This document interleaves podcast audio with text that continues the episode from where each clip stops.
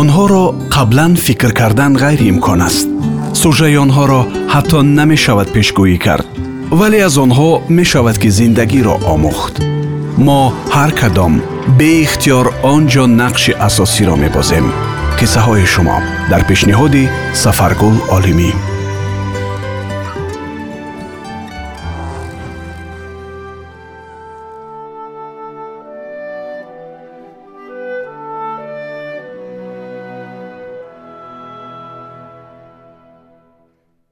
پوزیش قصه واقعی. جوانی بودم بسیار ارکب و سرپوشت.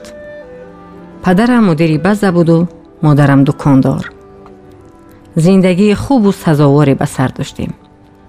در آیله امان میانی چهار خواهر یگانه پسر بودم. از این رو تمامی توجه بالای من قرار داشت. بهترین لباس می پوشیدم و بهترین غذا رو می خوردم جایب هایم همیشه پوری پول بود و دوستانی نانی همیشه دنبالم بودند به مکتب می‌خواستم می‌رفتم. نمی‌خواستم نه. معلمان از تأکید و تدبیر در راه تربیه درستی من خسته شدند که کلا رهایم کردند. دیگر مکتب و دایره رفیقانی هم مکتبی هم برایم ذوق و شوقی نمی‌داد. در سینی 16 سالگی به چنگی یک گروه همسالانی نشعمندم افتادم و روزی سیاهی اهل خانواده سر شد. پول و مال والدانم را یکسر به دستی باد دادم. از اشیای خانه تا چرخهای ماشینی پدرم را همه را به غارت بردم.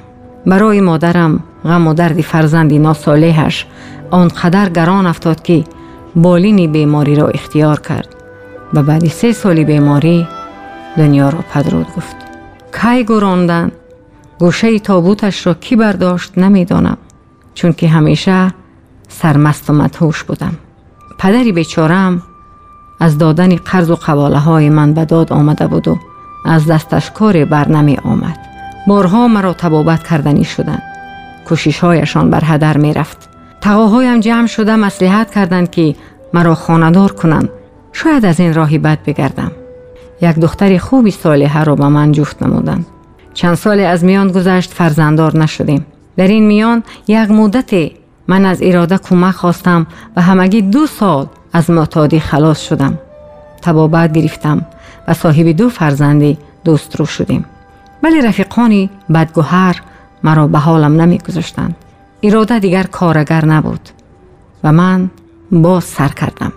از جبری گرسنگی و ناداری و لط و کوب و داد و فریاد من همسرم به جان آمده با دو کودک خردسالمان به خانه خواهرش رفت و در تگ در یزنه روز می برد. مرا باشد پروای نبود. همان لحظه کیفم را که می گرفتم دنیا در نظرم با رنگ های روشن و زیبا به جلوه می آمد. سرخوش و سرمست روز دیگر و سال دیگری عمرم پی هم در شتاب می رفتند. اگر روزی در این میان گرین نمی یافتم و برک های کی ها کار آمد گشتم نمی گذراندم دنیا در نظرم تیره بود. چقدر آدمانی را که من در برابری پیوندانم رنجانیدم. مال و حالشان را به غارت بردم. حساب ندارند. در آن خانه علاهیده ای که پدری پیرم قرض و قواله کرده برای من و فرزندانم خریده بود حتی در و تریزه هم نمانده بود. همه را کنده برده فروخته بودم و به ایوزش گرین خریده بودم. سین و سالم از 25 گذشته بود که در دایره جنایت پیشگان و نشع جلابان به اصطلاح یک زینه بالا رفتم. اکنون به من لقب انجینیر داده بودند. یعنی اکنون یگان خرید و فروش گرین به من نمی گذشت اول من آن را می سنجیدم یک بار کیف می گرفتم بعد از آن به فروش می رفت و به ایوزش یک یا دو بار به من دوزه به پول می دادن. همین بود همه معنای زندگی من.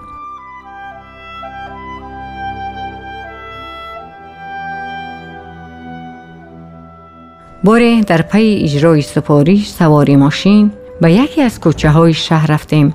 من در ماشین ماندم و همراهانم رفتند که پرتیه نوبتی گرین را بیارند و من آن را بسنجم ناگاه چشمم به دو تفلکی افتاد که همسالی کودکان من بودند آنها در داخل پرتاگاه محله جنب و جول داشتند.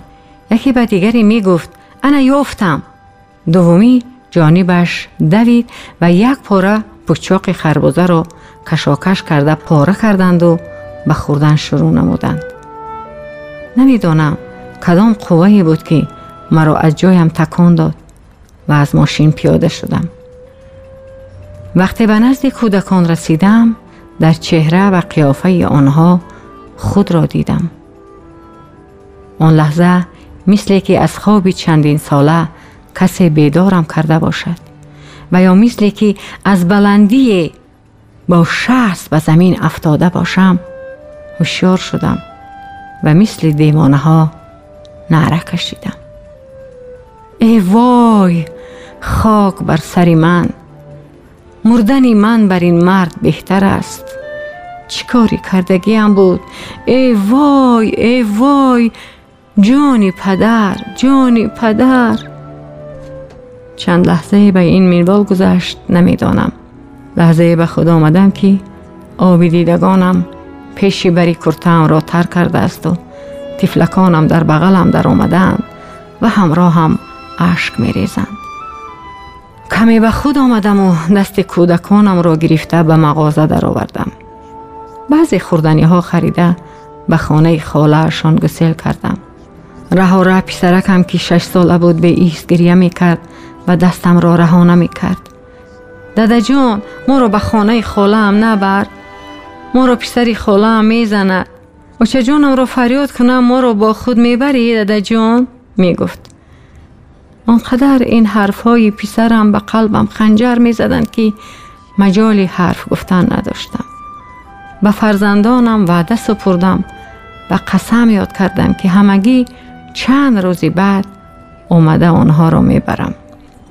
همراهانم شاید مرا در آن کوچه دیگر نیفتند که آن کوچه را ترک کردند. من تلفنم را به کنج هوا دادم و مثل آدمانی از عقل بگانه کلویده و کلویده بیهوشانه راه می رفتم.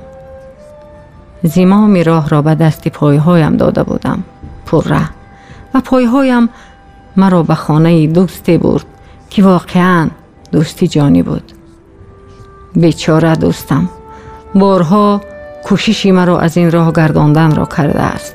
بارها برایم پول داده و جای کار هم پیدا کرده بود. گور و کفنی مادرم را همین دوستم به گردن گرفته بود و تبابت پدری پیر و غم زده را نیز. و دوستم شرحی حال کردم. دوستم به یگان حرفی زیادتی و یا تعنه و ملامتی من آب از دیده ها بیرون کرد و رو و بالا آورده. خدا را شکر گفت. و دوستم گفتم خودم را در اختیار دادم. هر چی با من می‌کنی بکن. دوستم مرا به تخانه در آورده و بندهای سخت دست و پایم را محکم بست. کمی خوردنی و آشامیدنی و تلفنی را نزدم گذاشت و دری آهنی را از بالایم قلف زده رفت. چی دردهای طاقت فرسای کشیدم. چه فریادهای گوشخراش زدم خدا می‌داند و خود من. ولی در لابلای دردهای جانسوزی پیوند و استخوانها گریه های به آخر و فریادهای گوشکر کنندم. سیمای دو تفلکم که پوچاق خربوزه را از درون پرتاوگاه یافته و حریسانه میخوردند لحظه از پیش چشمم نرفت. در انجام همه این شکنجه ها آخری هفته دوم کمی به خود آمدم و ба дӯстам занг задам ӯ ҳамоно омаду расан аз дасту поям кушод. Дӯстам бародарвор маро ба оғӯш кашид ва шӯхиомез гуфт. Хуш омадӣ ба зиндагии одамон ӯ бароям либоси тозаву хӯрок оварда буд. Ман сару танамро тоза шустам. Тавре шустам ки осори зиндагии шармандаворамро шуста нобуд мекарда бошам. Дӯстам як миқдор пул ба дастам дод. که خانه ویرانه را تعمیر کنم.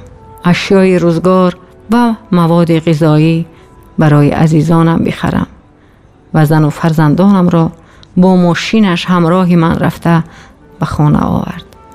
برایم کاری خوب و سیر درآمد هم یافت. من شکر جان این دوستی خدا دادم می‌کنم. حالا با زن و فرزندانم زندگی خوب و سزاواری به سر دارم. از هر نفری که مال و حالشان را برده بودم پوزیش پرسیدم و تا اندازه مال و حالشان را برگردانیدم. ولی پنجه اندیشه ها گریبانی هستیم را هیچ رها نمی کند. می اندیشم که آیا ارواح مادری زار مرا می باشد؟ این اندیشه ها و اشک شش قطار مرا روز در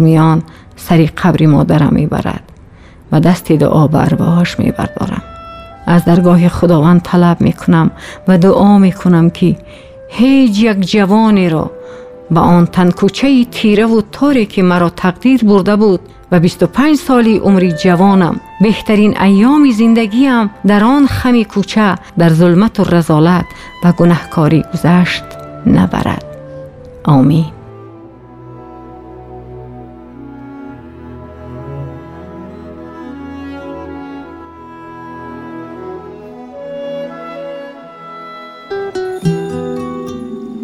Онҳоро қаблан фикр кардан ғайриимкон аст.